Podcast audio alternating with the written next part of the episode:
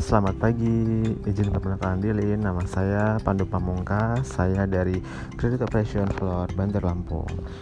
Ya, jadi selamat datang di konten podcast aku.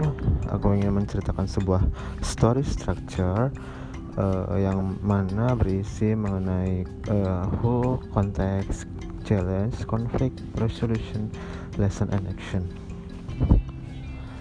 Oke, okay, uh, berdasarkan kisah nyata ini dari cerita dari teman aku orang cabang di Bandar Lampung yang uh, menceritakan uh, ada seorang nasabah bernama Bapak Andi. Bukunya yaitu uh, mungkin produk yang cocok untuk menggambarkan situasi yang dihadapi Bapak Andi yang kesulitan untuk menabung. Konteksnya sekitar sebulan lalu ada tetangga saya ber, bernama Bapak Andi. Dia tinggal beberapa blok dari rumah saya. Bapak Andi bekerja sebagai pensiunan PNS. Setiap bulan Bapak Andi mengambil jatah uang pensiunnya. Dan pada dan setiap bulan juga uang pensiun itu hanya disimpan di rumahnya dan hanya dibagi, dibagikan kepada anak cucunya. Challenge-nya yaitu uh, permasalahan yang muncul setelah beberapa bulan ia pensiun. Setiap akhir bulan Bapak Andi selalu kehabisan uang Kini yang dirasakan Bapak Andi adalah kerugian yang tidak bisa menabung dan menyimpan uang. Konflik yang Bapak, Bapak Andi alami yaitu Bapak Andi mencoba membatasi jumlah uang yang dikirimkan kepada cucu, anak cucunya.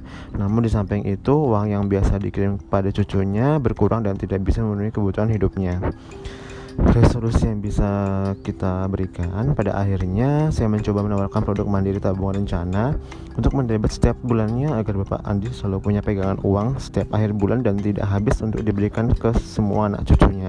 Jadi uang tersebut bisa dibagikan secara adil dan merata baik untuk anak cucunya maupun untuk Bapak Andi sendiri Walaupun awal Bapak Andi menolak karena alasan birokrasi, ribet dan sebagainya, namun setelah dihitung-hitung Bapak Andi bisa menabung hingga 50% dari sisa uang pensiunnya. Akhirnya Bapak Andi menggunakan fasilitas produk Bank Mandiri tabungan rencana setiap bulannya yang di auto debit dari rekening tabungannya.